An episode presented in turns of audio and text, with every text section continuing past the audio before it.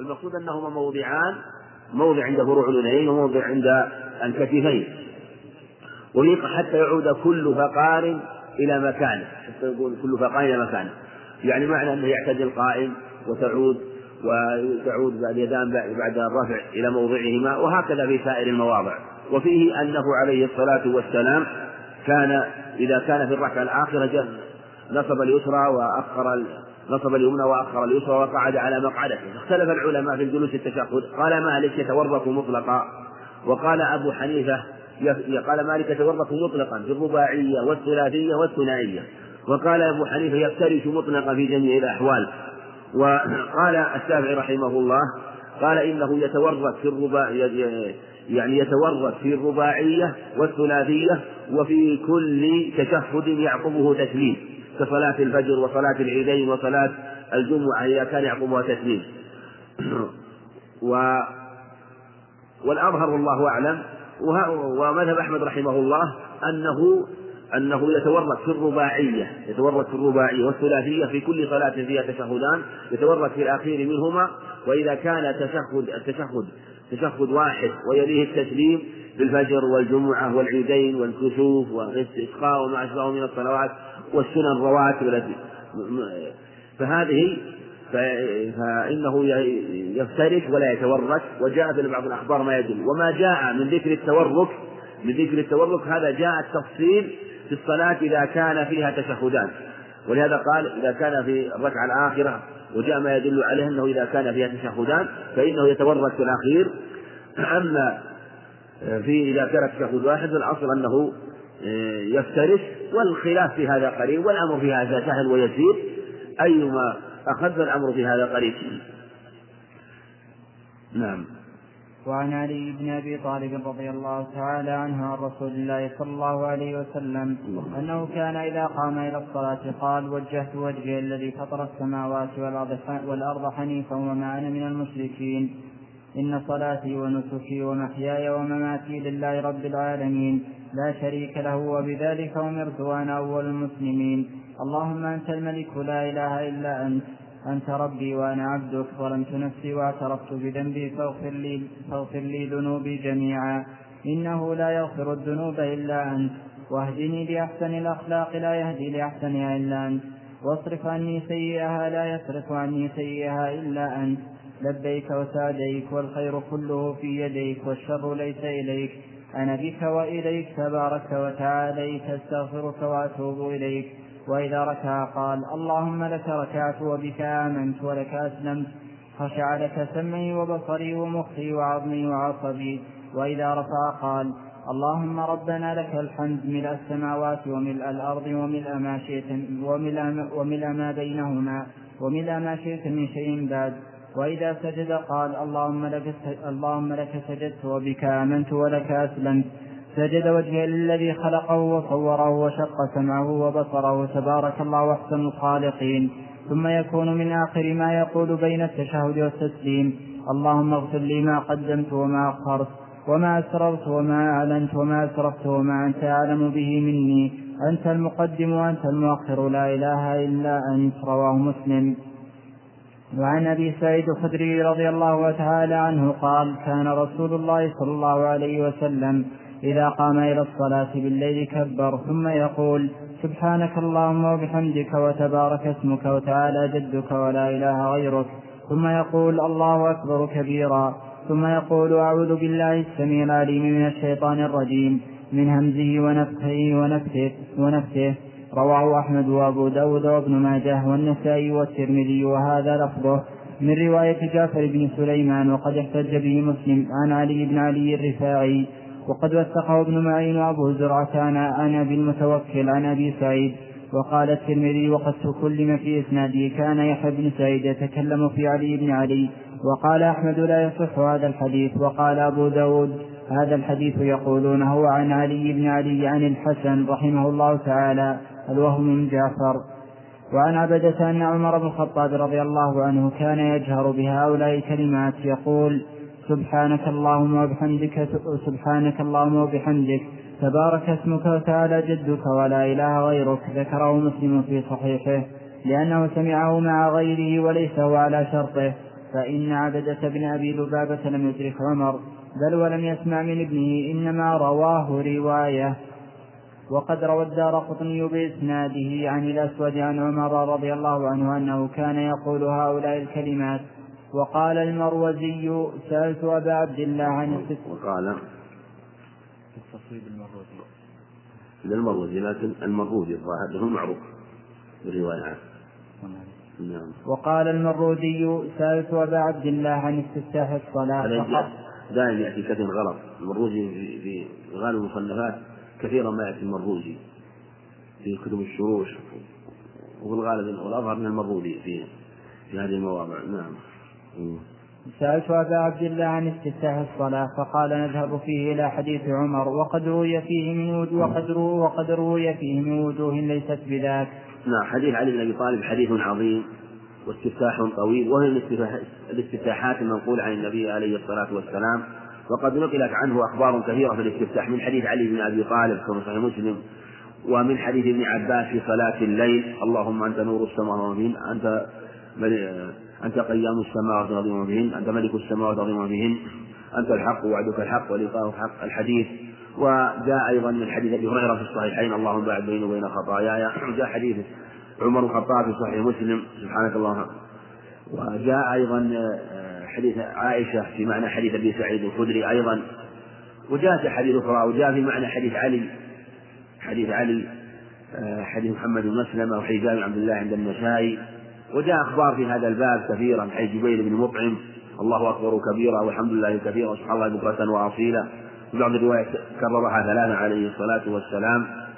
وجاء أيضا عند أبي داود الله أكبر عشرا وسبحان الله عشرا والحمد لله عشرا ولا إله إلا الله عشرا وأستغفر الله عشرا وأعوذ بالله من ضيق يوم القيامة أو أعوذ بالله من ضيق المقام في يوم القيامة عشرا وجاء أخبار كثيرة في هذا الباب تدل على أن أن الاستفتاح في مثل هذا الأمر فيه واسع لكن يختار شيئا من الاستفتاحات ويلازمه فلا بأس وإن قال غيره فلا بأس لكن هل يجمع ولا يجمع؟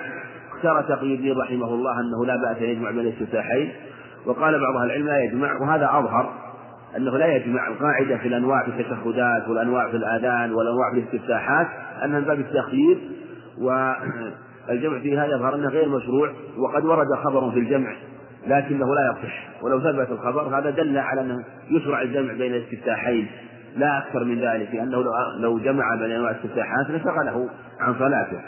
فهذا الاستفتاح من الاستفتاحات التي نقلت عنه عليه الصلاة والسلام وحديث علي رضي الله عنه هذا كان في صلاته. وجاء في بعض الروايات أنه إذا في الصلاة المكتوبة عند ابن حبان في الصلاة المكتوبة. وذكر الحافظ رحمه الله أنه إذا أنه عند مسلم إذا قام من صلاة الليل. وهذا وهم من الحافظ بن حجر رحمه الله لأن مسلم ذكره في في ذكر هذا الحديث في أحاديث صلاة الليل فكأنه انتقل ذهنه وظن أنه أن الرواية أنه إذا دخل في صلاة الليل. فالمقصود أنه يقوله في صلاته عليه الصلاة والسلام يقوله في صلاته فإذا قال في مكتوبة فلا بأس. وحديث عمر أبي سعيد الخدري هذا حديث أبي سعيد الخدري هذا حديث جيد وعلي بن علي الدفاعي لا بأس به. وللشاهد من حديث عائشة وفي ضعف من طريق حارثة من أبي الرجال. لا و وشاهده أيضا حديث عمر رضي الله عنه عند مسلم. لكنه منقطع لأنه رواية عبده بن أبي لبابة ولم يدركه وقد رواه الدار قطني من حديث عمر مرفوعا وشيء يشهد له أنه روى أيضا سعيد المنصور عن أبي بكر ورواه الدار قطني عن عثمان رضي الله عنه ورواه ابن المنذر عن عبد الله بن مسعود فهذا يدل على ادخار هذا الخبر ومعرفته أنه خبر معروف مشهور عند الصحابة رضي الله عنه ما يدل على ثبوته أيضا أنه مرفوع في هذين الخبرين من حديث عائشة من حديث أبي سعيد وهو أجود ما في الباب حديث أبي سعيد أجود ما في الباب. حديث عائشة ضعيف. فعلى هذا إذا استفتح بأي شيء منها حصل المقصود. ومن أصح الأخبار أصح الأخبار في هذا الباب التي جاءت حديث أبي هريرة اللهم باعد بيني وبين خطاياي. كما بعدت بين المشرق والمغرب. ويليه حديث حديث علي رضي الله عنه في صحيح مسلم. ويليه حديث أبي سعيد الخدري. هذا الذي روي من عدة طرق ولكن رجح بعض رجح حديث حديث أبي سعيد الخدري هذا من جهة أنه أن هذا الاستفتاح ثناء على الله ثناء على الله. ومعلوم وقال بعض أهل العلم إن دعاء الله وثناءه والثناء عليه سبحانه وتعالى على ثلاثة على ثلاثة مراتب، المرتبة الأولى أن تثني على الله سبحانه وتعالى، قل سبحانك اللهم وبحمدك تبارك اسمك وتعالى جدك. هذا كله ثناء على الله. مثل قولك سبحان الله والحمد لله ولا إله إلا الله والله أكبر ولا حول ولا قوة إلا بالله.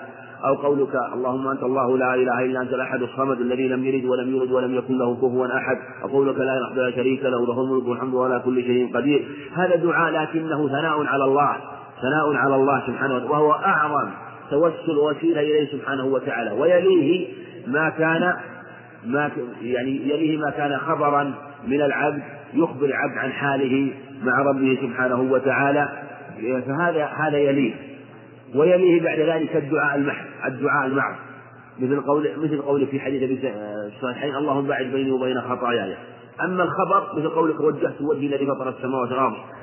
حديث مسلم أنا من المشركين كما حديث علي. لأن هذا خبر عن يخبر العبد عن حاله وأنه وجه وجهه لله عز وجل. لكن الثناء على الله أعظم من الإخبار عن الحال حال العبد. والإخبار عن حال العبد أعظم من الدعاء.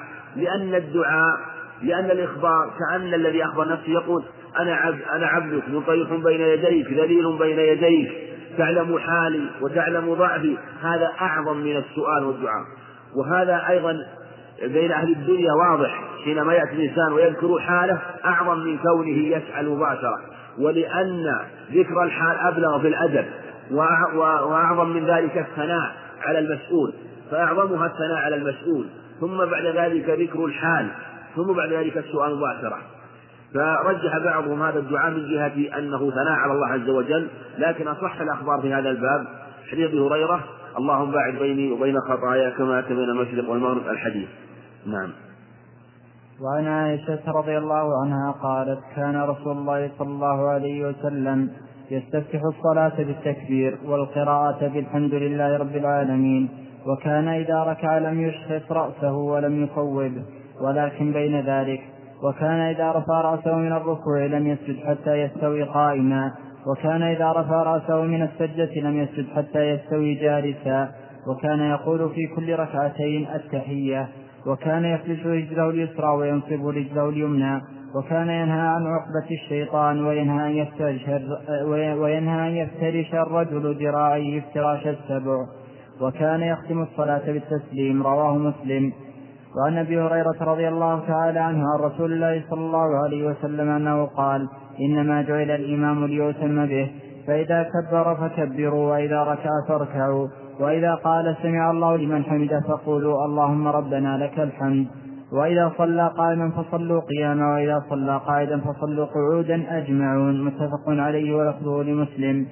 وعن عبد الله بن عمر رضي الله عنهما أن رسول الله صلى الله عليه وسلم كان يرفع يديه حذو منكبيه إذا افتتح الصلاة وإذا كبر للركوع وإذا رفع رأسه من الركوع رفعهما كذلك أيضا.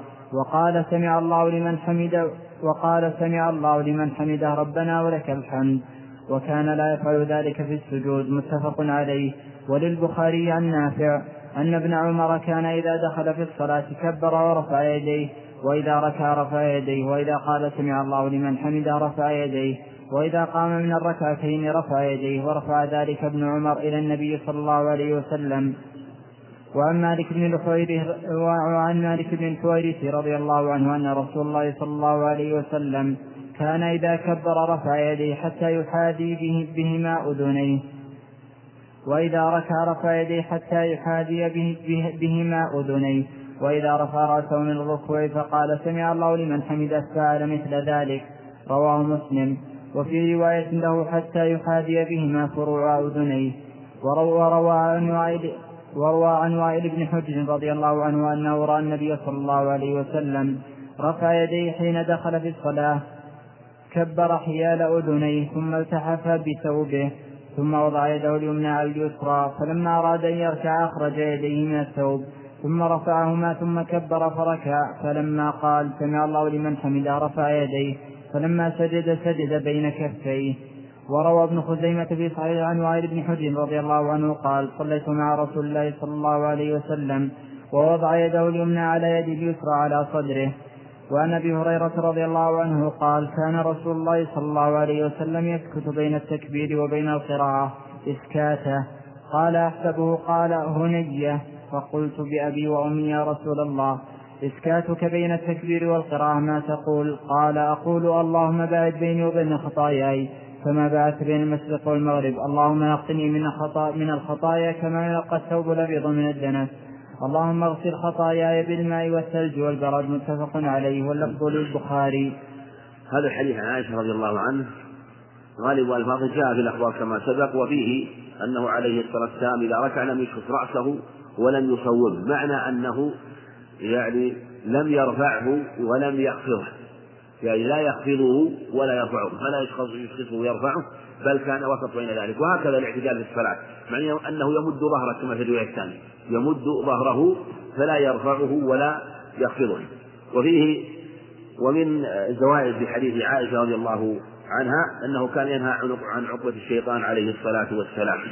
وعقبة الشيطان هو أن يجلس الرجل على إليتيه وينصب ساقيه وينصب ساقيه مثل المحتبي لكن المحتبي يمسك ساقيه بيديه أو يربط ساقيه بيديه مع ظهره وهذا يجلس على أليتيه وينصب ساقيه وير يعني ما ترتفع الركبة تكون في الغالب محاذية للحية أو قريب من ذلك ويضع يديه على الأرض يضع يديه على الأرض فهذه جلسة أو هذه الهيئة مشابهة لجلسة الكلب وإقعاء الكلب وإقعاء الكلب. وهذا واضح لمن شاهد الكلب في جلوسه فهذا هو المنهي عنه. وهذا هو الصواب في الإقعاء المنهي عنه. الإقعاء المنهي عنه. أما الإقعاء اللي جاء في الخبر حديث ابن عباس أنه لما قيل الإقعاء في الإقعاء من نظره جفاء بالرجل قال تلك السنة وسنة نبيكم عليه الصلاة والسلام فالمراد به أن يضع أليتيه على عقبيه. اليتين وهناك في اللفظ الآخر من السنة أن تمس اليتيك بعقبيه يعني أن يضع اليتيه على عقبيه معنى أن تكون أن تكون رجلاه منصوبتين أن تكون رجلاه منصوبتين وقائمة ويجلس على عقبيه. هذا هو المشروع هذا لا بأس لو فعله أحيانا. أما المنهي عنه هو ما جاء على هذه الصفة كما في حديث عائشة. التكبير لا يكون الا بعد التكبير إذا كبر فكبروا وأنه لا لا لا يجوز أن يكبر قبل الإمام. وكذلك على الصحيح لا لا يجوز المقارنة. وفي اللفظ عند أبي داود إذا كبر فكبروا ولا تكبروا حتى يكبر وإذا ركع فاركعوا ولا تركعوا حتى يركع هذا صريح في أنه يتأخر عنه. وكذلك في حديث أبي هريرة وإذا صلى قاعد صلوا قعودا أجمعون يدل على أن من صلى خلف الإمام فإنه يأتم به في في في في حركاته كلها وأنه لو صلى الإمام جالس لعذر فتصلي جالس سواء كان إمام الحي أو غير إمام الحي. واختلف العلماء في هذا هل هو منسوخ وليس منسوخ في الأمر بهذا؟ ما حكمه؟ ما حكم الأمر بهذا؟ والأظهر أن الأمر به ليس واجب إنما الأفضل والمستحب أنه إذا صلى جالس صلى إذا صلى جالس فإنه يصلي جالسا لأنه صلى بهم عليه الصلاة والسلام في مرض موته وكانوا صلوا خلف أبي بكر ثم بعد ذلك تم بهم الصلاة عليه الصلاة والسلام وهم كانوا قائمين ولم ينقل أنهم قعدوا. وقال بعض العلماء هذا نسخ للأمر والصواب أنه لا نسخ لأن القاعدة إذا أمكن الجمع فلا نسخ. فيحمل الأمر في الأحاديث التي جاءت في الصحيحين من حديث هريرة وغيره في الأمر بالقعود على أنه الأفضل وأنه يجوز القيام. لو صلوا خلفه قياما جاز لكن الأفضل والأكمل أن يصلوا قعودا. خاصة إذا كان ابتدأ الصلاة قاعدا. أما إذا كان ابتدأ الصلاة قائما ثم جلس فهذا إن جلسوا فلا بأس وإن قاموا كما فعل الصحابة رضي الله عنهم كما هو ظاهر حالهم لما صلى بهم في مرض موته لم ينقل أنهم جلسوا فلا بأس بذلك. في حديث عبد الله بن عمر في أن التكبير كما سبق للركوع وكذلك في حال رفع الركوع يقول سمع الله الحمد ربنا لك الحمد في حق الإمام.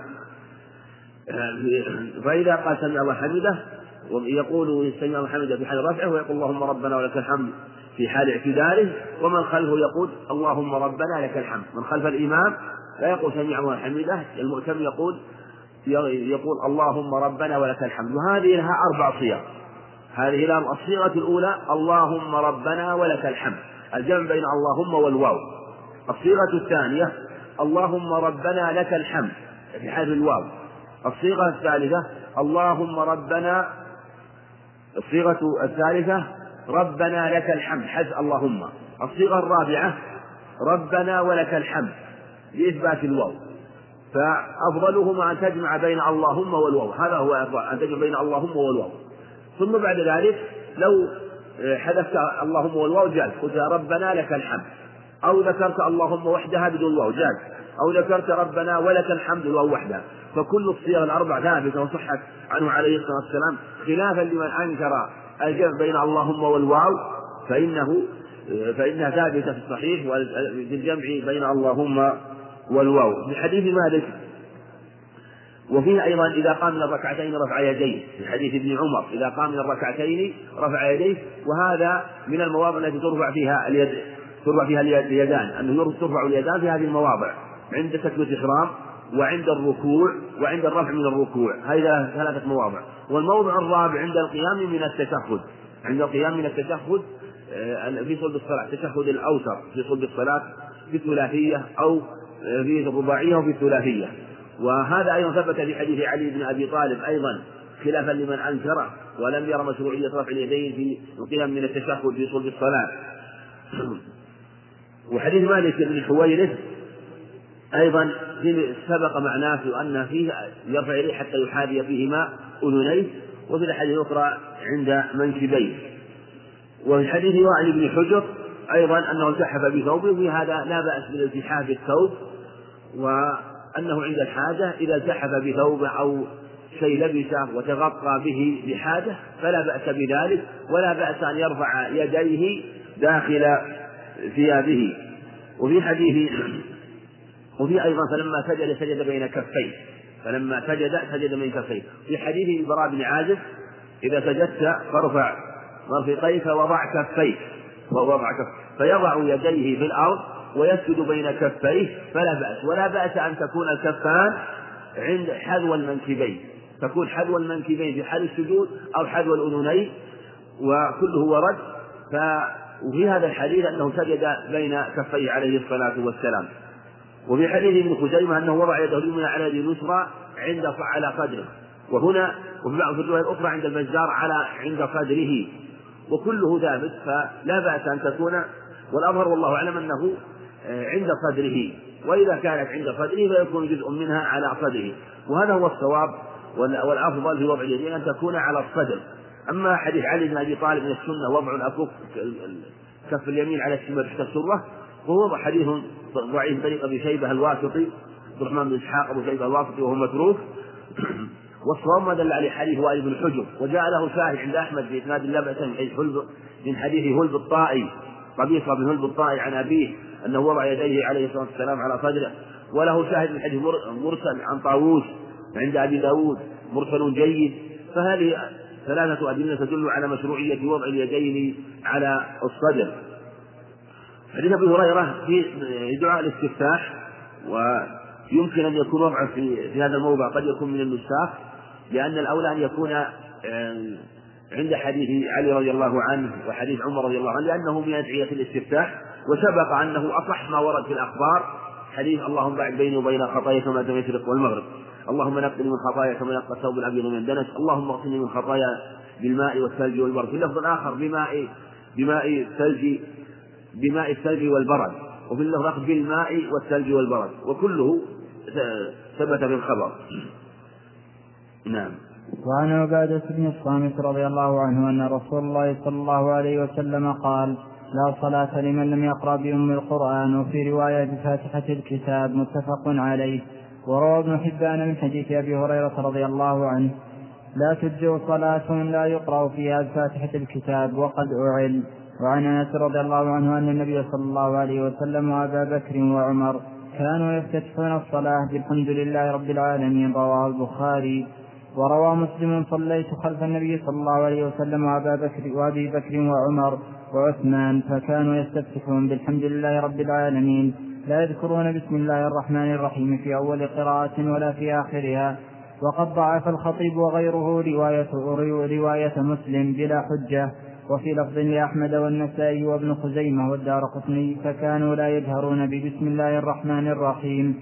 وفي لفظ لابن خزيمة والطبراني أن رسول الله صلى الله عليه وسلم كان يسر ببسم الله الرحمن الرحيم وأبو بكر وعمر. زاد ابن خزيمة في الصلاة. وعن نعيم المجمر رضي الله عنه قال صليت وراء أبي, وراء أبي هريرة فقرأ بسم الله الرحمن الرحيم. ثم قرأ بأم القرآن حتى إذا بلغ ولا الضالين قال آمين. وقال الناس آمين. ويقول كلما سجد الله أكبر. وإذا قام من الجلوس من الاثنتين قال الله أكبر. ثم يقول إذا سلم والذي نفسي بيده إني لأشبهكم صلاة لعله إني لأشبهكم صلاة لعله بصلاة رسول الله صلى الله عليه وسلم. رواه النسائي ورواه ابن خزيمة وابن حبان. والدار قطني والحاكم والبيهقي والخطيب وصححه وقد أعل ذكر البسملة.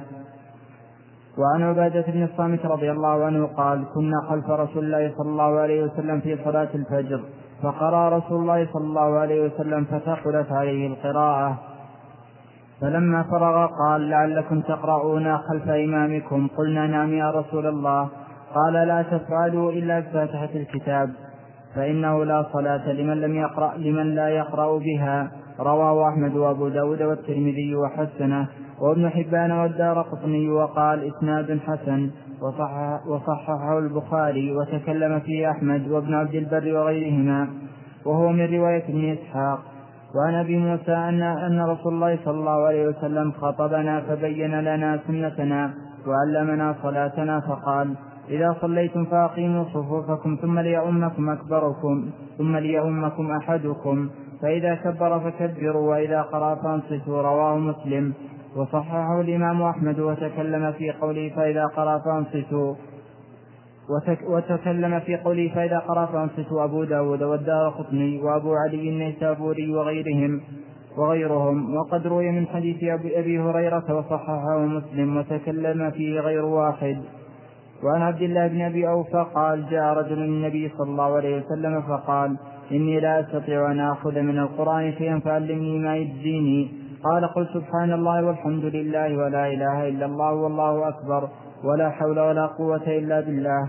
قال يا رسول الله هذا لله فما لي؟ قال قل اللهم ارحمني وارزقني وعافني واهدني. فلما قام قال هكذا بيده فقال رسول الله صلى الله عليه وسلم أما هذا فقد ملأ يده من الخير. رواه أحمد وأبو داود والنسائي وابن حبان والدار قطني والحاكم. وقال على شرط البخاري وقد قصر من عزاه إلى ابن الجارود فقط. نعم. حديث عبادة بن الصامت وما جاء في معناه يدل على وجوب قراءة الفاتحة. لا صلاة لمن لم يقرأ بفاتحة الكتاب. لا صلاة إلا بأم القرآن. حديث عند الدار قطني حبان لا تجزئ صلاة لا يقرأ فيها بأم القرآن. وحديث صحيح. خلافا لمن أعله. وحديث أبي هريرة صحيح مسلم كل صلاة لا يقرأ فيها بأم القرآن فهي خداج خداج خداج غير تمام. فالأحاديث كلها متفقة على وجوب قراءة فاتحة الكتاب. قول لا صلاة هذا نفي والأصل في النفي الحقيقة. فهو الحقيقة لا صلاة لمن لم يقرأ بفاتحة الكتاب.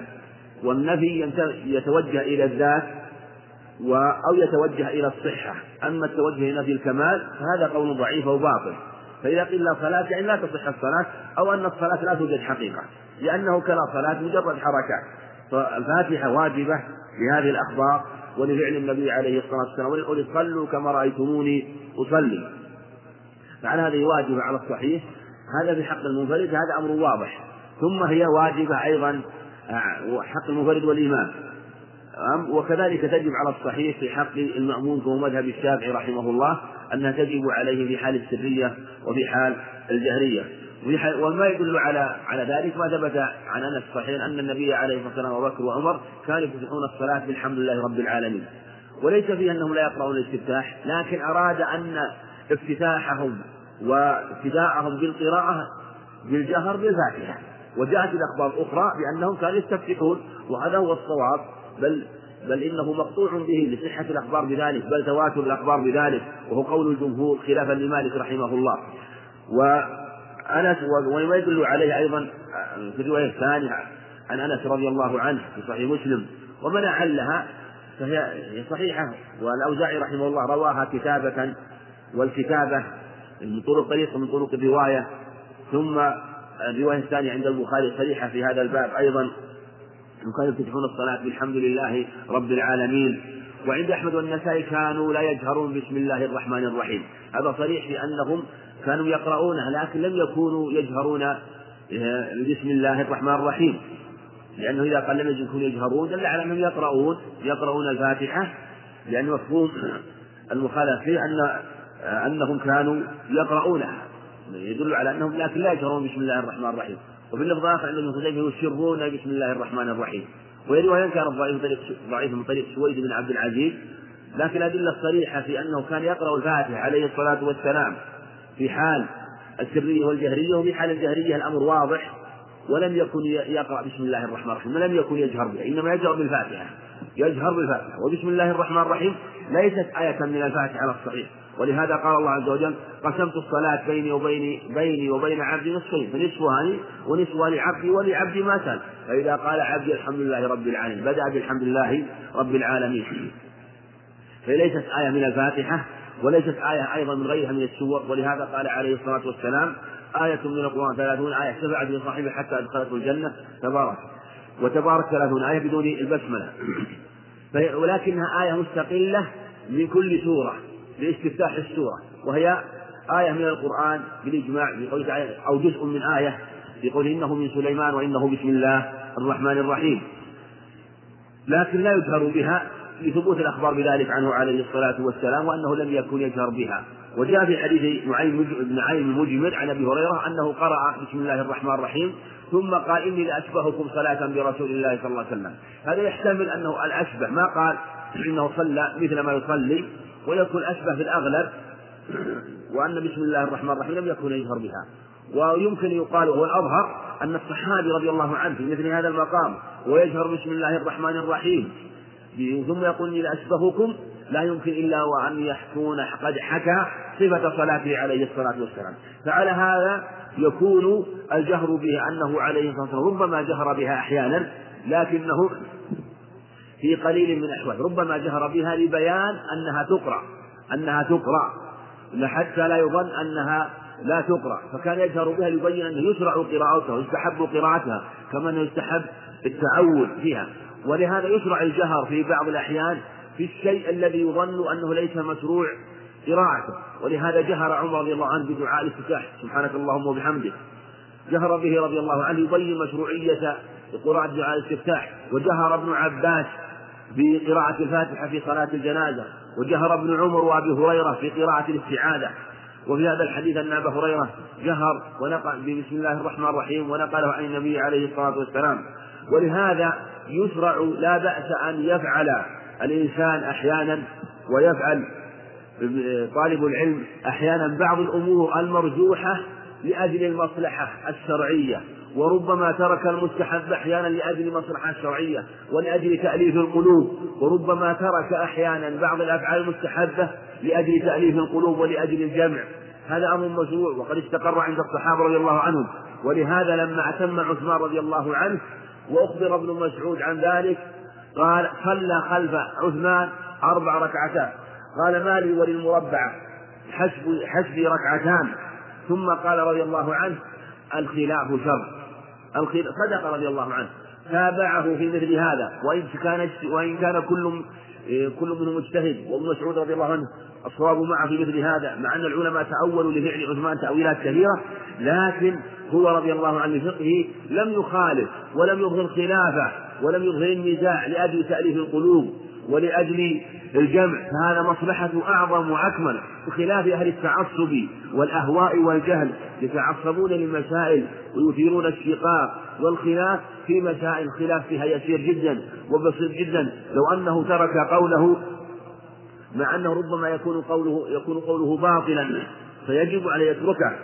فلهذا يكون أحيانا ترك الأقوال الراجحة والأقوال الصحيحة للمصالح العامة للمسلمين أولى وأفضل ثم بعد ذلك يبين يبين أن هذا القول في في بعض في في في مكان آخر أو في مناسبة أخرى أنه فعل هذا من أجل هذا. وفي حديث عبادة بن الصامت أن أيضا شاهد بلفظه الآخر في الصحيحين شاهد له من جهة قراءة الفاتحة قال لا تفعلوا إلا بأم القرآن وهو حديث جيد وهو وإن كان من طريق ابن إسحاق؟ لكن كلام مصنف رحمه الله آه، في هذا في طريق ابن إسحاق يوهم أنه تفرد به والصحيح أنه لم يتفرد به تبعه عليه جيد بن واقد عند أبي داود. ثم ابن إسحاق صرح في بعض المواضع بالتحديث وهو إذا صرح فإن حديثه يكون في رتبة الحسن. وفيه دليل على أن فاتحة الكتاب تقرأ خلف الإمام ولو كان يجهر بالقراءة. ولهذا قرأ القرآن وكانوا يقرؤون خلفه. قال لعلكم تقرؤون خلف إمامكم قالوا نعم. قال لا إلا بأم القرآن. إلا بأم القرآن فاستثنى أم القرآن فدل على أنه تقرأ خلف الإمام في جميع الأحوال. وفي حديث أبي موسى أيضا معناه كما سبق وفيه إذا قرأ فأنصتوا. وإذا وهذا الواجب أن الأصل الإنصات إلا أنه ينصت لقراءتها إلا ما دلت الأدلة على وجوب القراءة وهو الفاتحة فيكون عاما مخصوصا عاما مخصوصا بالفاتحة فيقرأ فينصت لقراءة الإمام أو تكون في القراءة خارج الصلاة لكن أظهر أن المراد في القراءة في الصلاة. فالأصل هو أن ينصت لقراءة الإمام إلا في الفاتحة فالواجب أن أن يقرأها ثم ذلك ينصت في قراءة الإمام. وفي حديث عبد الله بن أبي أوفى في ذلك الرجل الذي لا يستطيع أن يأخذ شيء من القرآن قال قل سبحان الله. لما قال إني لا أستطيع أن آخذ شيئا من القرآن قال قل سبحان الله. والحمد لله ولا إله إلا الله والله أكبر ولا حول ولا قوة إلا بالله. فهذا هذا يا ربي فما لي قال قل اللهم اغفر لي وارحمني واهدني وارزقني. فجمع له بين خيري الدنيا والآخرة. في هذا أن من لم يستطع القرآن فإنه يسبح الله ويكبر خيره. وهذا يظهر والله أعلم أن ذلك الرجل حضرته الصلاة فلم يتمكن من تعامل الفاتحة وإلا فالذي يحفظ مثل هذه الكلمات سبحان الله والحمد لله ولا إله إلا الله والله أكبر ولا حول ولا قوة إلا بالله ويقول اللهم اغفر لي وارحمني واهدني وارزقني هذا يستطيع قراءة الفاتحة فكأنه ضاق به الوقت فلم يستطع يتعلم الفاتحة فيؤمر مثل هذه الكلمات ثم يجب عليه بعد ذلك أن يتعلم الفاتحة ثم يقرأها في الصلاة لكن لو فرض أنه لم يستطع فإنه يت... أن عليه أن يعمل ما استطاع من ذكر ولا يخلي الصلاة من ذكر. وهذا أيضا جاء في حديث رفاعة بن رافع عند أبي داود قال فإن كان معك القرآن فاقرأ وإلا فهل فهل لله وكبره وسبحه. نعم وعن أبي هريرة. وعن أبي هريرة رضي الله عنه أن رسول الله صلى الله عليه وسلم قال إذا أمن الإمام فأمنوا فإنه من وافق تأمينه تأمين الملائكة غفر له ما تقدم من ذنبه متفق عليه. وعن أبي قتادة رضي الله عنه قال كان رسول الله صلى الله عليه وسلم يصلي بنا فيقرأ في الظهر والعصر في الركعتين الأوليين بفاتحة الكتاب وسورتين ويسمعون الآية أحيانا. وكان يطول الركعة الأولى من الظهر ويقصر الثانية. ويقرأ في الركعتين الأخرين بفاتحة الكتاب متفق عليه واللفظ لمسلم. وفي رواية البخاري وكان يطول الأولى من صلاة الفجر ويقصر في الثانية. وعن أبي سعيد الخدري رضي الله عنه قال كنا نحرز قيام رسول الله صلى الله عليه وسلم في الظهر والعصر فحرزنا قيامه في الركعتين الأوليين. كنا كنا نعم كنا نحجر قيام رسول الله صلى الله عليه وسلم في الظهر والعصر. نحجر نحجر نعم. كنا نحجر قيام نحجر قيام رسول الله صلى الله عليه وسلم في الظهر والعصر فحجرنا قيامه في الركعتين الأوليين من الظهر قدر قراءة ألف لام ميم تنزيل السجدة. وحجرنا قيامه في الأخريين قدر النصف من ذلك وحجرنا قيامه في الركعتين الأوليين من العصر على قدر, على قدر قيامه في الأخريين من الظهر وفي الأخريين من العصر على النصف من ذلك. وفي رواية بدل تنزيل السجدة قدر ثلاثين آية وفي الأخرين قدر خمس عشرة آية أو قال نصف ذلك. وفي العصر في الركعتين الأوليين في كل ركعة قدر قراءة خمس عشر آية وفي الأخرين قدر النصف من ذلك رواه مسلم. وعن بكر بن عبد الله بن الأشج عن سليمان بن يسار عن أبي هريرة رضي الله تعالى عنه قال ما صليت وراء أحد أشبه صلاة برسول الله صلى الله عليه وسلم من فلان. قال سليمان كان يطيل الركعتين الأوليين من الظهر ويخفف الأخريين ويخفف العصر ويقرأ في المغرب بقصار مفصل ويقرأ في العشاء بوسط المفصل ويقرأ في الصبح بطول المفصل. رواه ابن ماجة والنسائي وهذا لفظه وهو أتم وإسناده صحيح. وعن ابن إسحاق عن عمرو بن شعيب عن أبي عن جدي أنه قال ما من المفصل سورة, سورة صغيرة ولا كبيرة إلا وقد سمعت رسول الله صلى الله عليه وسلم يؤم الناس بها في الصلاة المكتوبة رواه أبو داود وعن جبير بن مطعم رضي الله عنه قال سمعت رسول الله صلى الله عليه وسلم يقرأ بالطور في المغرب متفق عليه. نعم عن أبي هريرة رضي الله عنه أن رسول الله صلى الله عليه وسلم قال إذا امن الامام فأمنوا فإنه من وافق تأمينه تأمين الملائكة غفر له ما تقدم من ذنبه. في هذا أنه يؤمن المأموم كما يؤمن الإمام وأن تأمين المأموم يكون مع تأمين الإمام. إذا أمن فأمنوا. في اللفظ الآخر يوضح أن المراد المقارنة. إذا قال غير المغضوب عليهم ولا الضالين فقولوا آمين. فإن فإن الملائكة تقول آمين. فيكون تأمينه مع تأمين الإمام. فيؤمن الإمام والمأمومون ويوافق تأمينهم تأمين الملائكة. ولهذا يؤمن من في السماء. والمراد الموافقة في القول والفعل في القول والفعل. هذا المراد خلافا لمن قال المراد الموافقة في الإخلاص. ولهذا في اللفظ الآخر تؤمن الملائكة في السماء. وقال بعضهم إن المراد بالملائكة هي الملائكة التي تحضر هذه الصلاة ممن في الأرض أو في أو في السماء. وفي حديث أبي قتادة في أنه عليه الصلاة والسلام كان يقرأ الفاتحة ويقرأ معها سورة. يقرأ في الفاتحة ويقرأ معها سورة في الركعتين الأوليين من الظهر. وبخلاف الركعتين الأخريين فإنه يقرأ الفاتحة. وحديث أبي قتادة نص في هذا أنه يقرأ الفاتحة وحدها يقرأ الفاتحة وحدها. وفيه أنه عليه الصلاة والسلام كان يطيل الركعتين الأوليين يطيل الركعتين الأوليين وكان يقصر الركعتين الأخريين. في حديث أبي سعيد الخدري بأنه قال كنا نحضر قيام رسول الله صلى الله عليه وسلم. فكان قيام في الركعتين الأوليين بنحو ألف لام من تنزيل السجدة. وجاء في الروايه الأخرى نحو ثلاثين آية. وفي الأخريين على النصف من ذلك يعني خمس عشر آية. ففي هذا أنه ربما قرأ زيادة على الفاتحة في الركعتين الأخريين من صلاة الظهر. وقال بعضهم إن هذا حجر وتخمين وظن.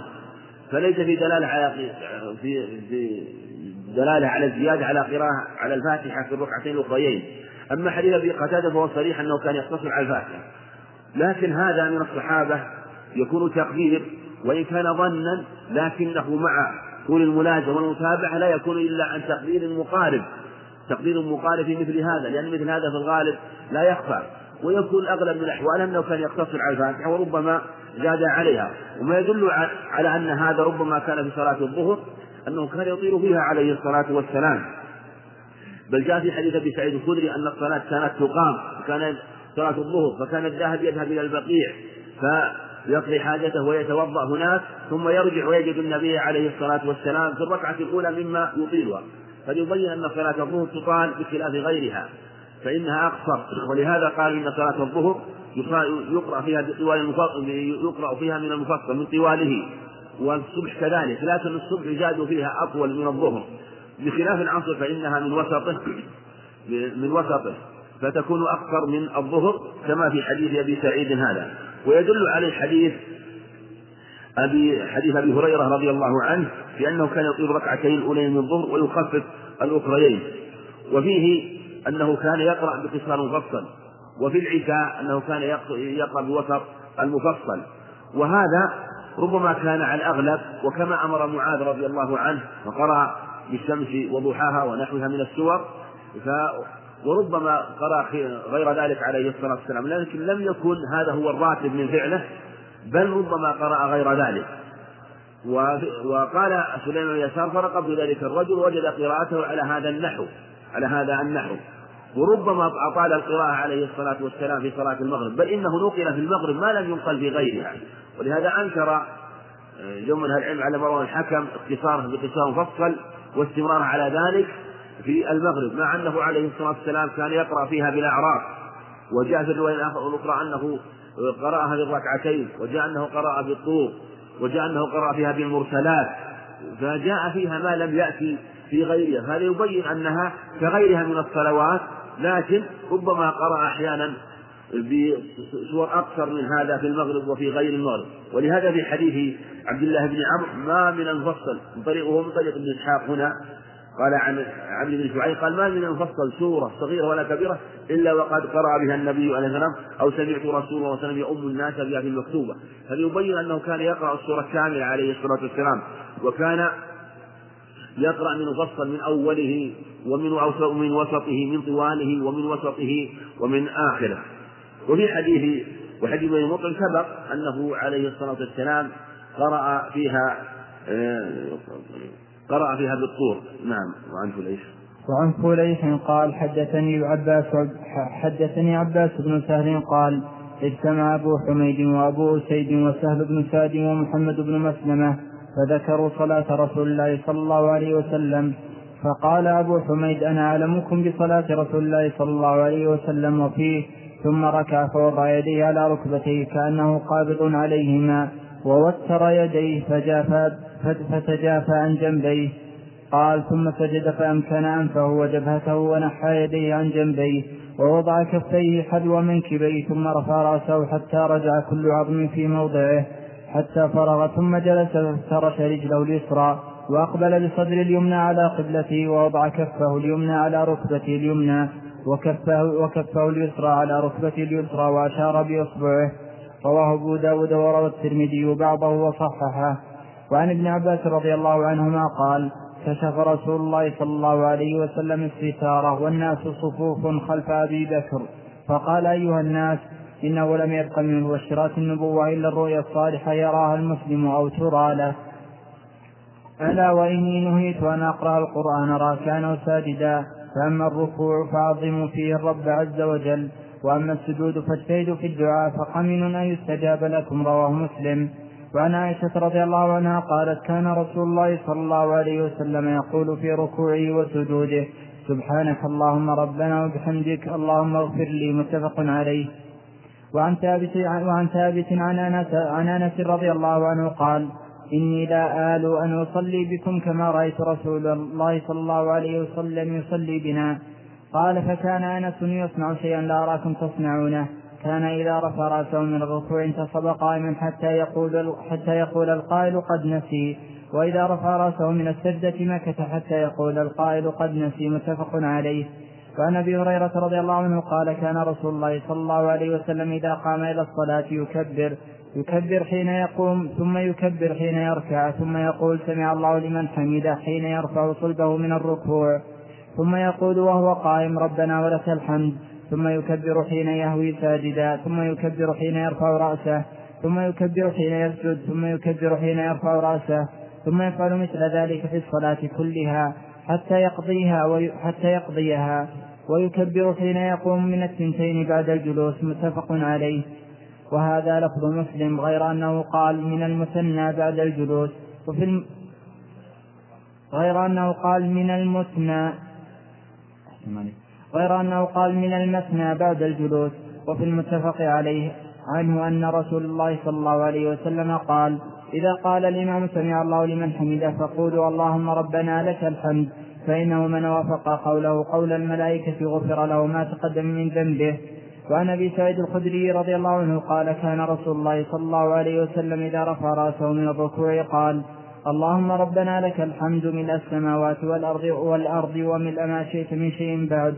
أهل الثناء والمجد أحق ما قال العبد وكلنا لك عبد. اللهم لا مانع لما أعطيت ولا معطي لما منعت ولا ينفع ذا الجد منك الجد.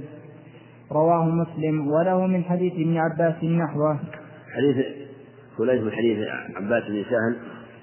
فيه زيادة على ما سبق من قوله أنه من كونه وتر يديه فتجافى بهما عن جنبيه.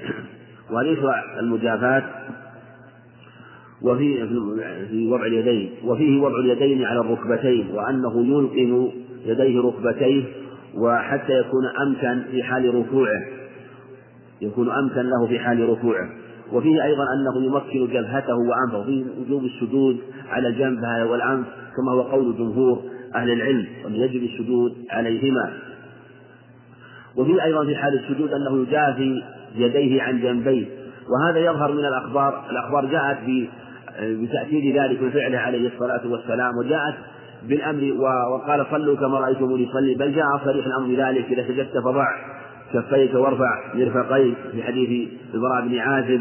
هذه صريحة في أنه يجب.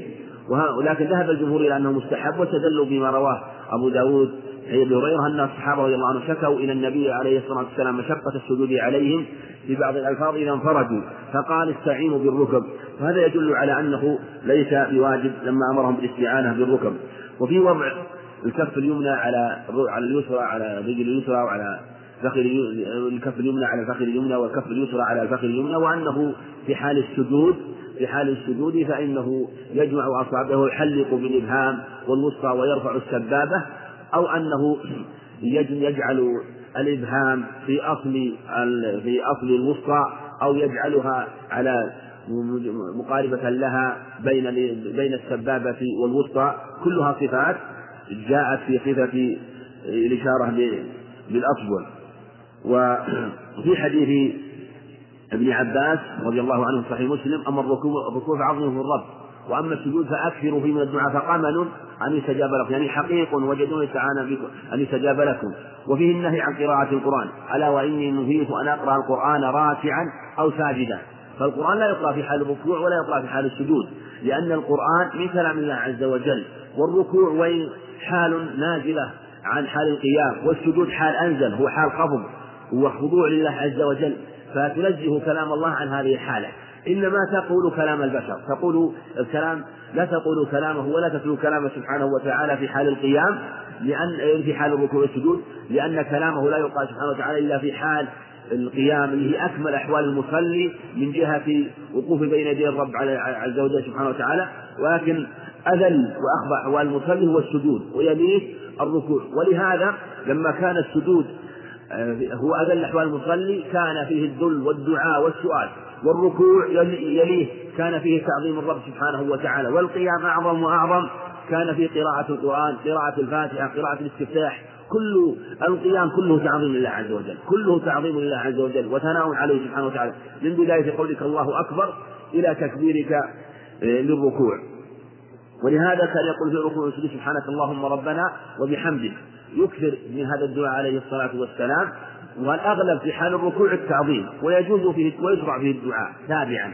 والأغلب في حال السجود الدعاء ويشرع فيه التعظيم لكن والثناء لكنه تابع في السجود.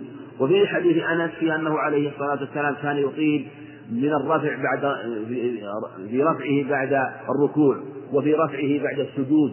كان أنس يقول ثابت كان أنس يصنع شيئا لا اراكم تصنعونه. وقال لا آل بكم ونصلي بكم صلاة رسول الله صلى الله عليه وسلم. في هذا إطالة القيام بعد الركوع وإطالة الجلوس الجلوس بعد السجود. خلافا لمن قال إنه قيام يسير بل هو قيام طويل. ولهذا حتى يقول القائل قد نسي نسي إن في الصلاة أو نسي أنه سوف يهوي إلى السجود. وفي حديث أبي هريرة أنه كان يكبر عليه الصلاة والسلام وفيما سبق وذكر في هذا الخبر صفتين لدعاء الركوع. اللهم ربنا ولك الحمد. اللهم ربنا لك الحمد. اللهم ربنا ولك الحمد. ذكر الصفتين. وفي الصفة الثالثة اللهم ربنا ولك الحمد. والصفة الرابعة ربنا لك الحمد بدون اللهم والواو. فهي أربع صفات أو أربع صيغ كما تقدم. في حديث أبي سعيد الخدري هذا الدعاء بعد الرفع والركوع وفيه أنه موضع يدعى فيه الله عز وجل يسأل سبحانه وتعالى ويثنى عليه سبحانه وتعالى اللهم ربنا لك الحمد ملء السماوات وملء الأرض وملء ما بينهما وملء ما شئت من شيء بعد أهل الثناء والمجد أحق ما قلبت وكلنا لك عم اللهم لا مانع لما أعطيت ولا معطي لما منعت ولا ينفع ذا الجد منك الجد. جاء من حديث أبي سعيد الخدري ومن حديث عبد الله بن أبي أوفى. وأيضا وجاء في صحيح مسلم عن صحابي آخر أيضا. فكلها تدل على أنه يشرع. إطالة هذا الركن وأنه يقال فيه هذا الدعاء. نعم. وعن شريك عن عاصم بن كليب عن أبي وائل بن حجر قال رأيت النبي صلى الله عليه وسلم إذا سجد وضع وفي هذا وفي هذا في قوله أيضا في قوله الله ملء السماوات وملء الأرض. المراد أنه يملأ ما بين السماوات والأرض يملأ ما بين السماوات والأرض ملء حقيقي أنه ملء حقيقي ملء السماوات وملء الأرض بخلاف أنه من قال إنه استعارة لأن ملء كل شيء بحسبه. ملء كل كل شيء فتقول امتلأ الكأس ماء امتلاء حقيقي وتقول امتلأت الدار قوما امتلأت الدار قوما. فليس المراد أنها الامتلاء بمعنى كما تمتلئ كما يمتلئ الكأس بالماء أو كما يمتلئ المخزن مثلا بما يوضع فيه لا كل امتلاء شيء بحسبه. ولهذا يقولون ملأ ملأ ابن أبي الدنيا الدنيا علما. يعني ملأ أسماع الناس بالثناء عليه. فملء كل شيء بحسبه. فقوله اللهم ملء السماوات يعني ملء الحقيقي في الثناء على الله عز وجل. ولهذا قال وملء ما شئت من شيء بعد يعني من العرش والكرسي وغير ذلك من مخلوقاته سبحانه وتعالى مما يعلمه. سبحانه وتعالى. نعم. وعن شريك عن عاصم بن كليب عن أبيه عن وائل بن حجر قال رأيت النبي صلى الله عليه وسلم إذا سجد وضع ركبتيه قبل يديه وإذا نهض رفع يديه قبل ركبتيه. رواه أبو داود والترمذي والنسائي وابن ماجه والدار قطني والحاكم وقال على شرط مسلم وقال الترمذي حسن غريب ورواه همام عن عاصم هذا مرسلا وشريك كثير الغلط والوهم وقال الدار قطني تفرد به يزيد بن هارون عن شريك ولم يحدث به عن عاصم غير شريك وشريك ليس بالقوي فيما يتفرد به وقال الخطابي حديث وائل وحديث وائل أصح من حديث أبي هريرة وعن محمد بن عبد الله بن حسن عن أبي الزناد عن نارج عن أبي هريرة رضي الله عنه قال قال رسول الله صلى الله عليه وسلم إذا سجد أحدكم فلا يبرك كما يبرك البعير وليضع يديه قبل ركبتيه. رواه أحمد وأبو داود والبخاري في تاريخه والنسائي والترمذي ولفظه يعمد أحدكم فيبرك في صلاته برك الجمل. وقال حديث غريب ومحمد وثقة النسائي وقال البخاري لا يتابع عليه ولا أدري أسمع من أبي الزناد أم لا. وقال البخاري وقال نافع كان ابن عمر كان ابن عمر يضع يديه قبل ركبتيه وقد رواه ابن خزيمة في صحيحه مرفوعا. وهذا في صفة النزول إلى الأرض بعد رفعه من الركوع وجاءت الأخبار بهذا وهذا اختلف العلماء في أيهما أولى لكن حكى جمع من العلم الاتفاق والإجماع على أنه أن جميعه جائز إنما خلاف الأفضل بينهم.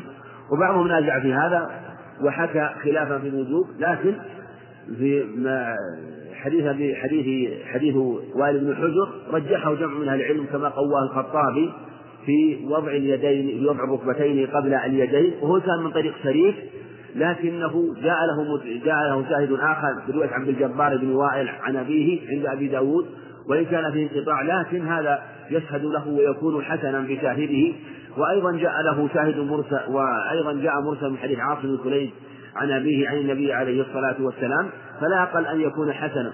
وهو بالنظر أقوى من حديث أبي هريرة فليضع يديه قبل ركبتيه لأنه فيه علة. حديث أوائل حديث هريرة أعل أيضا كما أعل حديث وائل لأنه من طريق رواية محمد بن عبد الله بن الحسن وقال البخاري لا أدري سمع من أبي الزناد أم لا.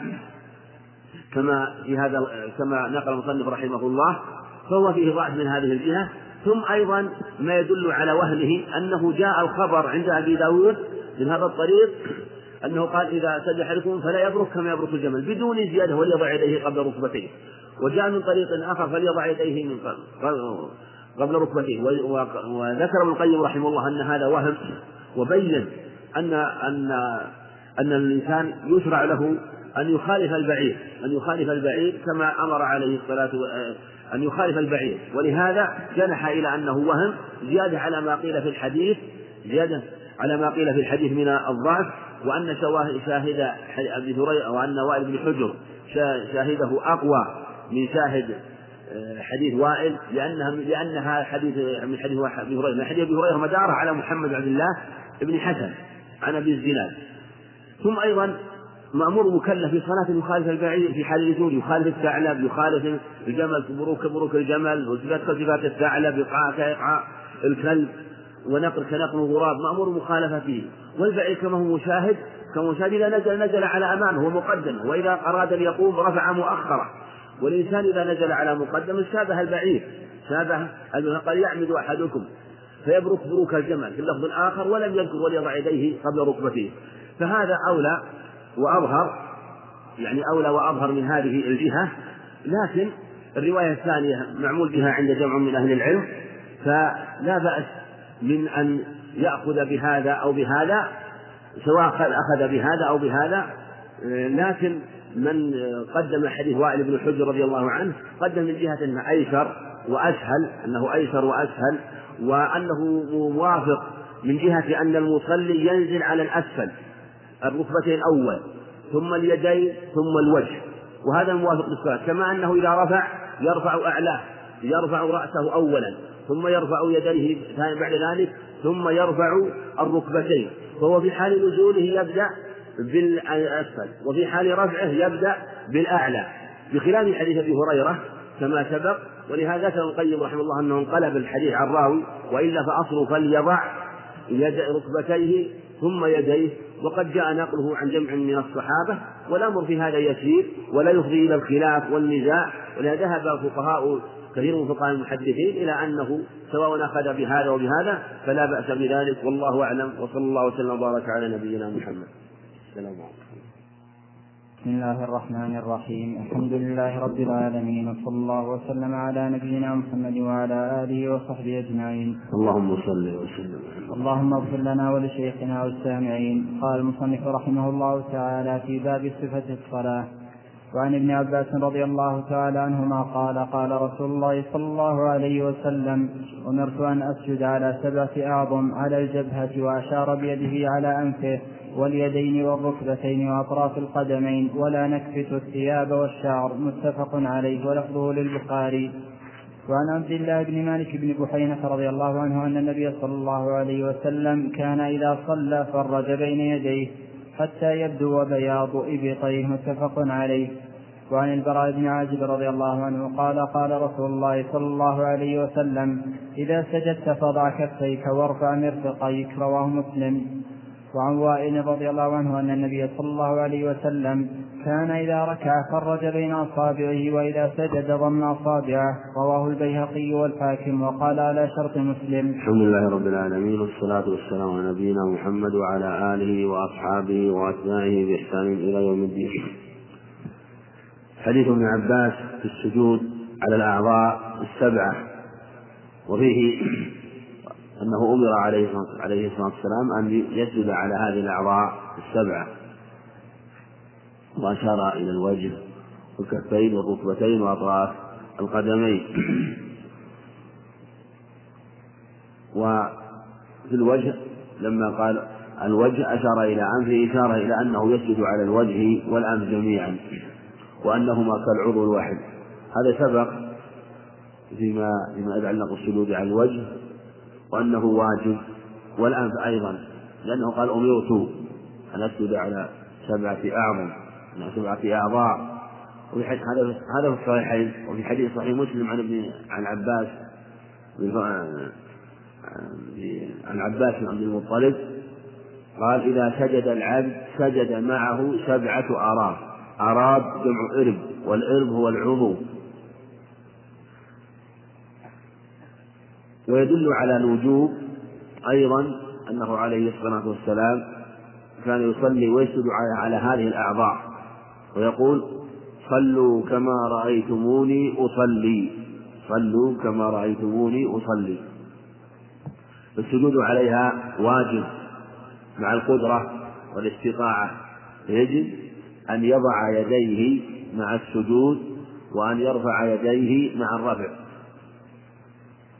يديه مع الوجه والأنف ومع أطراف القدمين مع أطراف القدمين. والسجود على الأنف أيضا واجب على الصحيح كما هو قول الجمهور وخالف بعضهم قال إنه يجزئ السجود على الجبهة دون الأنف. والأظهر ما دل عليه الخبر من وجوب السجود من لزوم السجود على هذه الأعضاء. ثم يشرع مباشرة المصلى بها يشرع أن يباشر المكلف المصلى بها موضع الصلاة أن يباشر الأرض أن يباشر الأرض بجبهته أن يباشر الأرض بأنفه أن يباشر الأرض بيديه أن يباشر الأرض بقدميه. إلا إذا كانت في شيء أو مستورة مثل إذا كانت القدم في الخف والجوارب هذا هذا لا بأس به. أو إذا سترها بشيء ولو بغير الجواب فلا فلا يلزم. والصحيح أن مباشرة الأرض بها سنة أفضل. ولو فعندنا لا. حال أن يباع الحال الأولى مباشرة الأرض هذا هو المشروع وهذا هو الأفضل والسنة بأن يسجد على جبهته وأن يسجد على أنفه يباشر الأرض. لا يكون بينه وبين الأرض حائل. الحال الثاني أن يكون بينه وبين الأرض حائل لحاجة. أن يسجد على يسجد على العمامة يجب على عمامة على غترته وعلى الطاقية لأجل حرارة الأرض أو خشونة الأرض أو شيء يعوقه من السجود ويشق عليه. فهذا لا بأس به بلا كراهة أيضا. هذا يكون بغير حاجة. فهذا مكروه. وإلا قد حصل مسمى السجود قد حصل مسمى السجود بسجوده وإلا مباشرة. ويدل على عدم المباشرة على على عدم الوجوب أنه يجوز أن يمسح المكلف على الجوارب ومعلوم أنها أن الجوارب تأتي في فترة يعني أنه تمر بفترة عدة صلوات وهو لا يشيل الجوهر فلو فلو كان مباشرة المصلى واجبا لوجب خلع الجوارب. وهذا خلاف المشروع إذا لبسها خاصة إذا كان بعد الحدث لأنه قد يفضي إلى نقض الطهارة عند جميع من العلم. أيضا يشرع أن يستر ركبتين. الركبتين يشرع سترهما ولا ولا تكشفان. فدل على أنه المراد أن يسجد عليها. ليس المقصود مباشرة الأرض بنفس العضو. إنما هنالك أعضاء. الأصل أنها تكشف الجبهة والأنف واليدان.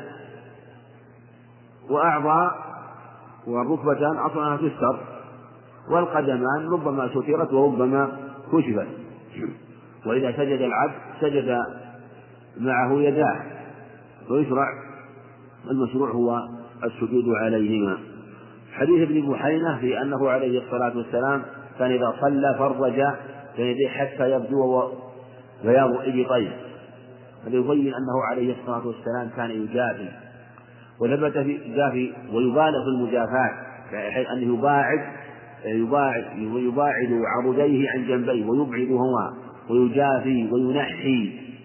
لا في حال الركوع ولا في حال السجود. وفي حال السجود كان يبالغ أكثر عليه الصلاة والسلام. وفي حديث ميمونة أنه عليه الصلاة والسلام كان إذا سجد لو أن بهمة مرت أرادت أن تمر لمرت. لو أرادت أن تمر لمرت. يعني كناية إشارة إلى المبالغة في مجافاته عليه الصلاة والسلام. وفي حديث براء بن عازب إذا سجدت فضع كفيك وارفع مرفقيك. والمشروع المجافاة كما سبق أيضا لكن لو أنه اعتمد على ركبتيه اعتمد على ركبتيه فإنه يجوز على الصحيح وسبق أن الأدلة دلت على تأكد ومشروعية المجافاة ولكن لا يجب فلو أنه وضع يديه على ركبتيه وضع المرفقين على ركبتين جاز لما ثبت في سنن داود أنه شكوا إلى النبي شكوا إلى النبي عليه الصلاة والسلام مشقة السجود عليهم فقال استعينوا بالركب استعينوا بالركب. في حديث البراء بن عازب هذا يسجد فضع كفيك وارفع مرفقيك شاهد لوجوب السجود على الكفين نص على الكفين لأنه هي التي يعتمد عليها ولأن الاعتماد عليها يخفف السجود على الوجه. ثم أيضا تشرع المجافاة حتى يتميز كل عضو عن العضو الآخر.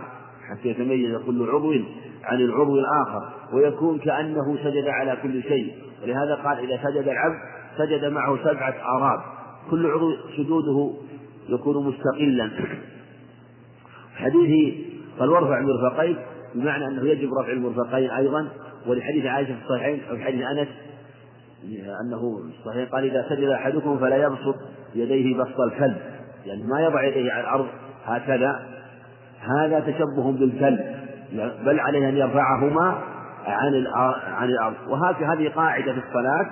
أنه لا يتشبه بالحيوانات في جميع أحواله لا في حال سجوده ولا في حال جلوسه للتشهد وفي جميع أحواله ولا في حال قيامه بالتفاته فلا يتشبه بالحيوانات في جميع أحوالها.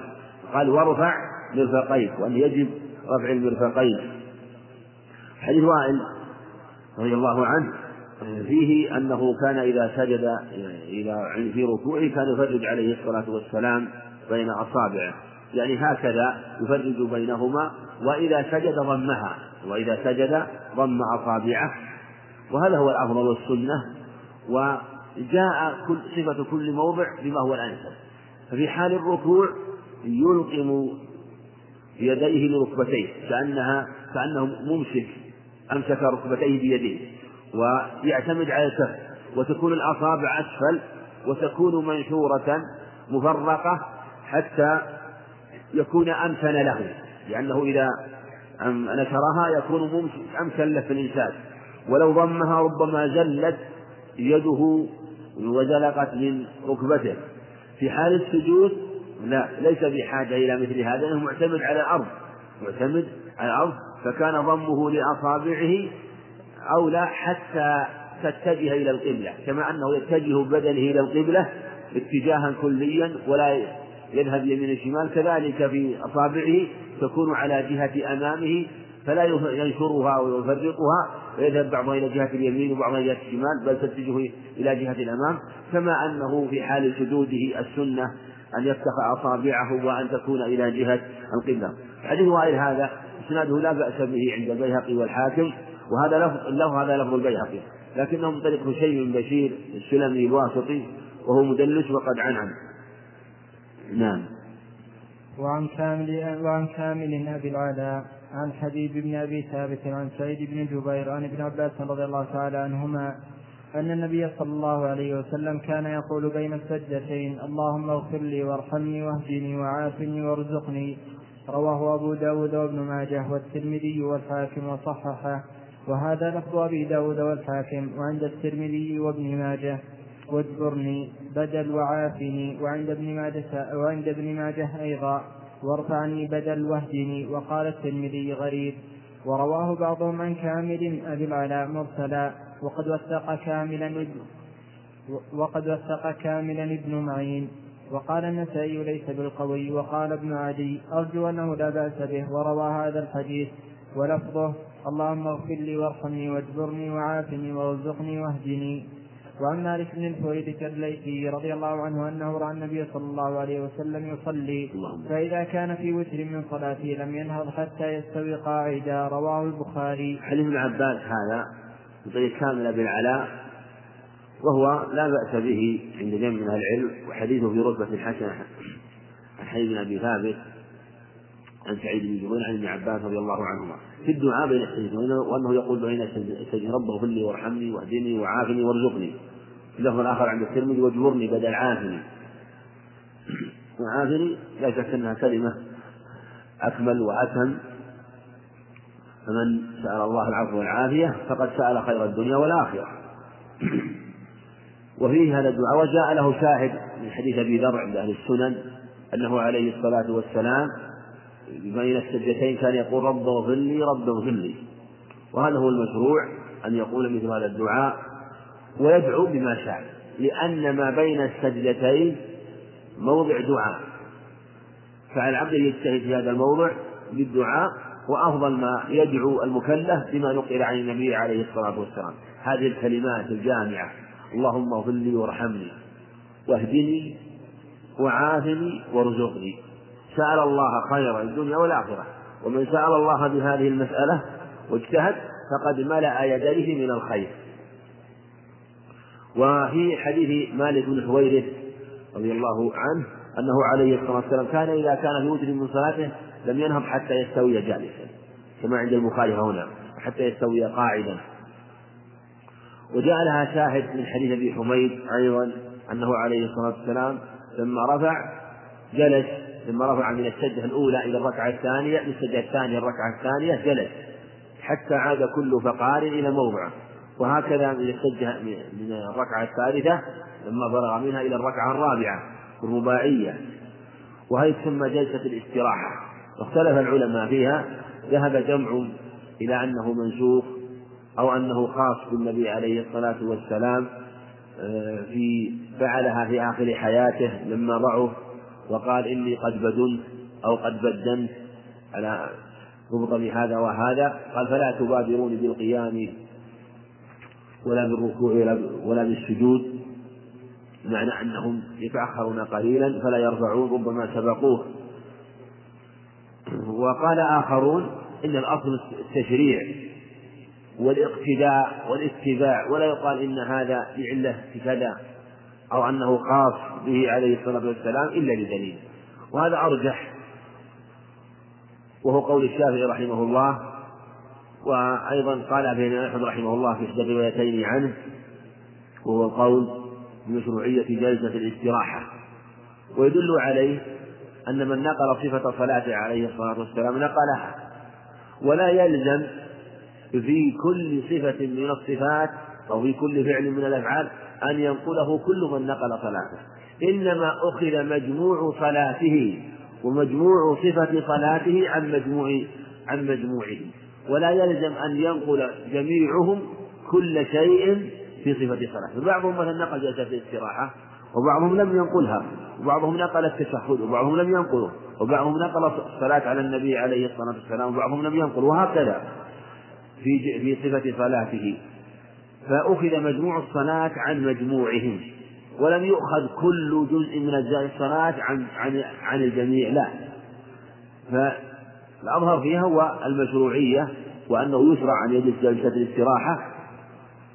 وقال بعض أهل العلم قال بعضهم إنه إذا إنه كان يفعله أحيانا عليه الصلاة والسلام. ولهذا لم تنقل أنه كان لم تنقل في كل الأخبار. فدل على أنه لم يكن يفعلها دائما. إنما يفعلها أحيانا في يفعلها أحيانا فدل والقاعدة أن ما نقل أنه فعله في بعض الأحيان ولم فالأصل فيه أن يفعل كما فعل عليه الصلاة والسلام. وقال بعضهم أيضا إنه إذا كان يصلي خلف إمام والإمام لا يجلس الاستراحة فإنه لا يجلسها. وإن كان يجلسها فيجلسها اقتداء واتباعا للإمام لأنه عليه الصلاة والسلام قال إنما جعل الإمام يؤتم به. فأمر أن تفعل كما يفعل الإمام. فإذا ترك هذه الجلسة فلا تفعلها أنت لأن فعلك لها يؤدي إلى التأخر. والأصل والمشروع أن تبادر. إذا ركع فاركعوا وإذا كبر فكبروا. تبادر إلى التكبير بعده ومما يدل على هذا أيضا أن الإمام لو ترك واجبا من الواجبات لو ترك واجبا في المتابعة مثلا ولم يمكن أن يتداركه فإنك تتابعه. تترك هذا الواجب وتتابعه. فلو أنه قام من التشهد الأوسط واستتم قائما فإنه لا يرجع. وأنت أيضا يجب عليك أن تتابعه ولا ترجع. كما ثبت في ذلك في الصحيحين عنه عليه الصلاة والسلام حينما ترك التشهد الأوسط فتابعوه. هذا يدل على أن أصل المتابعة آكد من كونه يفعل هذه السنة فيترتب عليه تأخر عن الإمام. نعم. وعن أبي جعفر الرازي عن عن الربيع بن أنس عن أنس بن مالك رضي الله عنه قال ما زال رسول الله صلى الله عليه وسلم يقنت في الفجر حتى فارق الدنيا. رواه أحمد والدار قطني وصححه الحاكم. وأبو جعفر وثقه غير واحد وقال أبو زرعة شيخ يهم كثيرا. وقال الغلاة فيه ضعف وهو من أهل الصدق. نعم قال. ها؟ نعم. نعم.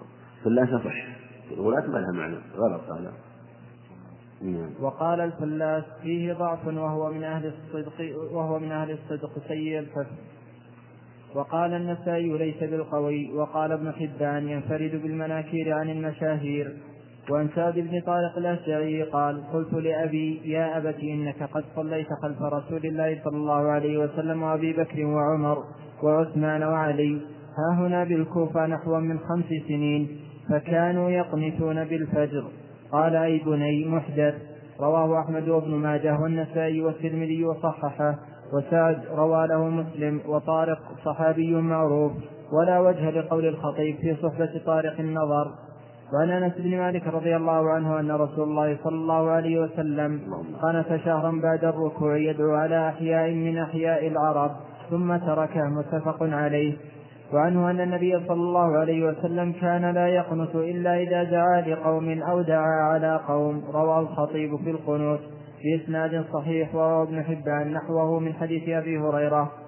وعن الحسن بن علي رضي وعن الحسن بن علي قال علمني رسول الله صلى الله عليه وسلم وعن الحسن بن علي رضي الله عنه. وعن الحسن بن علي رضي الله عنهما قال علمني رسول الله صلى الله عليه وسلم كلمات أقولهن في قنوت الوتر. اللهم اهدني فيمن هديت وعافني فيمن عافيت وتولني فيمن توليت وبارك لي فيما أعطيت وقني نعم. شر وتولني. وتولني فيمن توليت وبارك لي فيما أعطيت وقني شر ما قضيت فإنك تقضي ولا يقضى عليك. وإنه لا يذل من واليت. تباركت ربنا وتعاليت. رواه أحمد وأبو داود وابن ماجه والنسائي والترمذي وحسنه. وهو مما ألزم وهو مما ألزم وهو مما ألزم الشيخان الشيخان تخريجه. ورواه البيهقي وزاد فيه. وهو؟ وهو مما ألزم الشيخان تخريجه. ورواه البيهقي وزاد فيه في بعض رواياته بعد واليت ولا يعز من عاديت. نعم. الحديث حديث أبي جعفر الرازي عن الربيع بن أنس عن أنس مالك رضي الله عنه بأن هذا في قنوت الفجر وأنه لم يزل يقنط حتى فارق الدنيا. هذا في القنوت قنوت الفجر. وهذا الحديث بطريق أبي جعفر ضعيف لأن أبي جعفر الرازي ضعيف سيء الحفظ فالخبر لا يؤخذ به من هذه الجهة. وقد أخذ به بعض أهل العلم كالشافعية وقالوا إنه يشرع القنوت في صلاة الفجر كل يوم. استدلوا بهذا الخبر وجاء في معنى أخبار ضعيفة وأنه لم يزل يقنت في الفجر حتى فارق الدنيا. وعنه جوابان. الجواب الأول من جهة السند وهو القول بضعفه وأنه لا يصح. الجواب الثاني التزام ثبوته ويقال وهو إن ثبت فإنه لا يراد بالقنوت هو القنوت اللي هو رفع اليدين والدعاء بعد الركوع لا. هذا لم يكن من في لغة الصحابة في كلامهم والأكثر من أن القنوت هو المداومة. القنوت هو هو هو دوام العبادة. بمعنى ولهذا في الحديث أفضل الصلاة طول القنوت يعني طول القيام. ومعناه هو دوام العبادة والاستمرار عليها وملازمة العبادة. ومعنى أنه كان يقنط أنه يقنط الفجر لم يزل يقنط الفجر حتى فارق الدنيا. معنى أنه كان يطيل القيام في القراءة فيها قبل الركوع حتى فارق الدنيا. وخص الفجر لأنها مخصوص بين سائر الصلوات بإطالة القراءة فيها. فهذا هو المراد. والقنوت يطلق يطلق على طول القيام ويطلق أيضا على الدعاء ويطلق على الدعاء في الصلاة. لكن هذا هو المراد. وقد جاء في ألفاظ أخرى ذكر القنوت معنى طول القيام في كلام الصحابة رضي الله عنهم. فهذا هو المراد به. ليس المراد أنه كان يدعو وأنه استمر على ذلك. أما مسألة القنوت فإن القنوت في الصلاة هذه مسألة مختلفة فيها بين أهل العلم. منهم من قال إنه مشروع مطلقا. ولهذا قال بعضهم يشرع في صلاة الفجر كل يوم. منهم من قال إنه منسوخ وأنه كان يخرج عليه الصلاة والسلام ثم ترك القنوت بعد ذلك. وذهب فقهاء فقهاء المحدثين وهو القول الوسط إلى أن القنوت يشرع عند حدوث سببه عند النوازل وهذا هو الصواب. وهو المنقول عن النبي عليه الصلاة والسلام. ولأن سعد بن طارق بن أشيم الأشجعي سأل أباه عن القنوت فأخبره عليه الصلاة طارق بن أشيم قال أي بني محدث؟ يعني من الأمور محدثة ومبتدعة وأنه صلى مع النبي عليه الصلاة والسلام ومع الصحابة مع أبي بكر وعمر وعثمان وعلي وأنهم قال أفكانوا يقنطون؟ قال لا. يعني ما كانوا يقنطون قد صليت معهم أفكانوا يقنطون؟ قال لا. لأنهم هم القدوة في مثل هذا. فدل على أنهم لم يكونوا يقنطون معنى أنهم يستمرون على القنوت إنما قنتوا أحيانا وتركوا أحيانا. ولهذا في حديث أنس الصحيح أنه عليه الصلاة والسلام قنت على أحياء من أحياء العرب على رعل وذكوان شهرا وتركه لأنهم قتلوا القراء. فقنت شهرا بمعنى أنه كان يدعو لهم في الصلاة في صلاة الفجر وصلاة الصبح وصلاة المغرب. فقنت لهم ودعا لهم عليه الصلاة والسلام. لمن ظلمهم واعتدى عليهم وقتلهم ثم عليه ترك عليه الصلاة والسلام. قنت شهرا كاملا. وجاء أنه قنت أيضا بعد الحديبية للمستضعفين في مكة حتى قدموا فقانت عليه الصلاة والسلام. فالقنوت الذي نقل هو قنوت خاص في النوازل. وجاء أنه قنت في الفجر والمغرب والفجر كما في الصحيح في البخاري. وجاء أنه قنت في جميع الصلوات كما في حديث ابن عباس عند أبي داود بإسناد جيد. وقنت في الظهر والعصر والمغرب والعشاء والفجر. ويؤمن ويؤمن من خلفه عليه الصلاة والسلام. فإذا كانت نازلة وحصلت نازلة شرع القنوت في جميع الصلوات. يشرع القنوت في جميع الصلوات لا بأس. في السرية والجهرية. وإذا قنت في بعض الصلوات دون بعض أو خص بالقنوت صلاة صلاة من الصلاة لا بأس بذلك. قنت في الفجر أو العشاء أو المغرب أو الظهر أو العصر فلا بأس بذلك. لكن كان أكثر قنوت عليه الصلاة والسلام في الصلوات الجهرية في الفجر والعشاء والمغرب. فهذا هو القنوت المشروع. ونقل أنه علم الحسن علي اللهم اهدني فيمن كلمات اللهم اهدني فيمن هديت الدعاء المشهور وحديث جيد. ولا وهذا القنوت وهذا الدعاء ليس من أدعية قنوت النوازل إنما هذا من أدعية القنوت قنوت الوتر. وفرق بين قنوت النوازل وقنوت الوتر. فالمشروع هو قنوت الفجر. فقنوت الفجر لو أنه استمر وقنت فلا بأس. وهذا جاء في الخبر أنه علمه الحسن بن علي عليه الصلاة والسلام. فظاهر أنه مشروع وأنه لا بأس أن يقنت في وتره في على طول السنة. طوال العام لا بأس أن يقنت. ولو صلى وأوتر بلا قنوت فلا بأس. لأن المقصود هو صلاة الوتر. والدعاء تابع فإذا قنت في صلاة الوتر فلا بأس. ولو كان كل يوم كل يوم, كل يوم. أما قنوت النوازل فإنه يكون في الصلوات المفروضات. ولو كان عليه الصلاة والسلام يقنت في في الصلوات حتى مات واستمر على ذلك لكان هذا من الأمور المعلومة المشهودة الظاهرة الواضحة البينة. فكيف لا ينقل إلا في هذا الخبر الضعيف؟ ولهذا الصحابة رضي الله عنهم لم يكونوا يقنتون كما قال تعلم طارق ناشي الأشجعي وأنه وأن علي رضي الله عنه في الكوفة حينما صلى خلف قال صليت خلف علي رضي الله عنه الكوفة هنا خلف أبي بكر وعمر وعثمان فكانوا يقنتون قال لا أي ولي محدث محدثة والمبتدعة فعلى هذا نقول القنوت يشرع عند وجود سببه إذا حصلت نازلة. ثم أيضا إذا حصلت النازلة فدعاء القنوت ليس هنالك دعاء راتب. فقول فتعليمه للحسن بن علي ليس من أدعية القنوت قنوت النوازل لا. إنما هذا يدعى في كل موضع بما يناسبه. يدعى في كل موضع بما يناسبه بحسب النازية ويشرع له في حال القنوت أو في قنوته أن يثني على الله عز وجل وأن يدعوه سبحانه وتعالى وأن يسأله بين يدي دعائه ويصلي على النبي عليه الصلاة والسلام. ثم بعد ذلك يدعو بالدعاء المناسب لتلك النازية المقصود أن من قال إن القنوت يشرع مطلقا فقوله ضعيف بل ربما قيل ببطلانه في أنه لم ينقل إلا مقيد ولهذا جاء أنه قنت شهرا وقنت قبل الركوع وقنت بعد الركوع. وهذا أيضا من مواضع القنوت أنه لا بأس أن يقنت بعد الفراغ من القراءة قبل الركوع ولا بأس أن يقنت بعد الركوع. كله قد ورد. لكن إذا قنت بعد الركوع ربما كان أولى وأفضل من جهة أن قنوته يكون بعد الثناء على الله لأنه يقول آه، في الإمام يقول سمع الله الحمد ربنا لك الحمد واللهم ربنا ولك الحمد فيكون فيه ثناء على الله سبحانه وتعالى. فلهذا يكون الدعاء مناسب بعد وجود هذا الثناء. وإن كان قد أثنى في صلاته في حال قيامه في حال تكبيره ثم دعاء الاستفتاح ثم بعد ذلك قراءة الفاتحة وما تيسر من القرآن كله ثناء على الله عز وجل ثم بعد ذلك يركع ويسبح الله ويعظمه هذا ثناء على الله عز وجل. لكن إذا كان بعد كمال الثناء وتمام الثناء لم يبقى إلا السجود وموضع الدعاء كان واقع الدعاء واقعا في موقعه وهو بعد الرفع من الركوع فيكون مناسبا فلا بأس.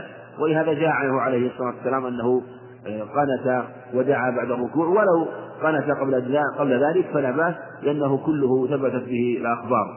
نعم. وعن ابن عمر رضي الله تعالى عنهما أن رسول الله صلى الله عليه وسلم كان إذا قعد في التشهد وضع يده اليسرى على ركبته اليسرى ووضع يده اليمنى على ركبته اليمنى وعقد ثلاثة وخمسين وأشار بالسبابة وفي رواية وضع كفه اليمنى على فخذه اليمنى وقبض أصابعه كلها وأشار بإصبعه التي تلي الإبهام. رواه مسلم. وروى, وروى عن عبد الله بن الزبير قال كان رسول الله صلى الله عليه وسلم إذا قعد في الصلاة جعل قدمه اليسرى بين فخذه وساقه وفرش قدمه اليمنى ووضع يده اليسرى على ركبته اليسرى ووضع يده اليمنى على فخذه اليمنى وأشار بإصبعه السبابة وأشار بإصبعه السبابة. ووضع إبهامه على إصبعه الوسطى.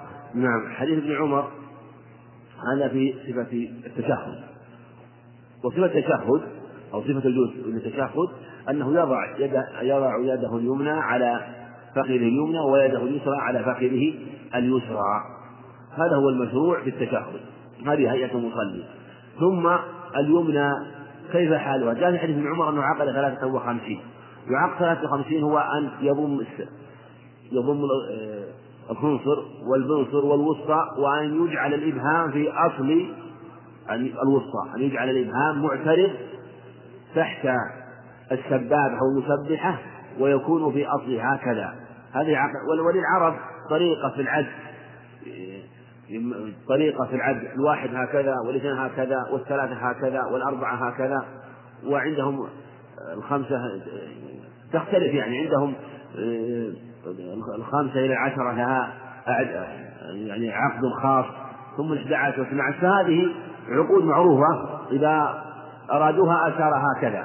فعقد ثلاثة وخمسين هكذا. يعني أن يضع الإبهام معترضة تحت السبابة في أصل الوسطى. عقد ثلاثة وخمسين هكذا.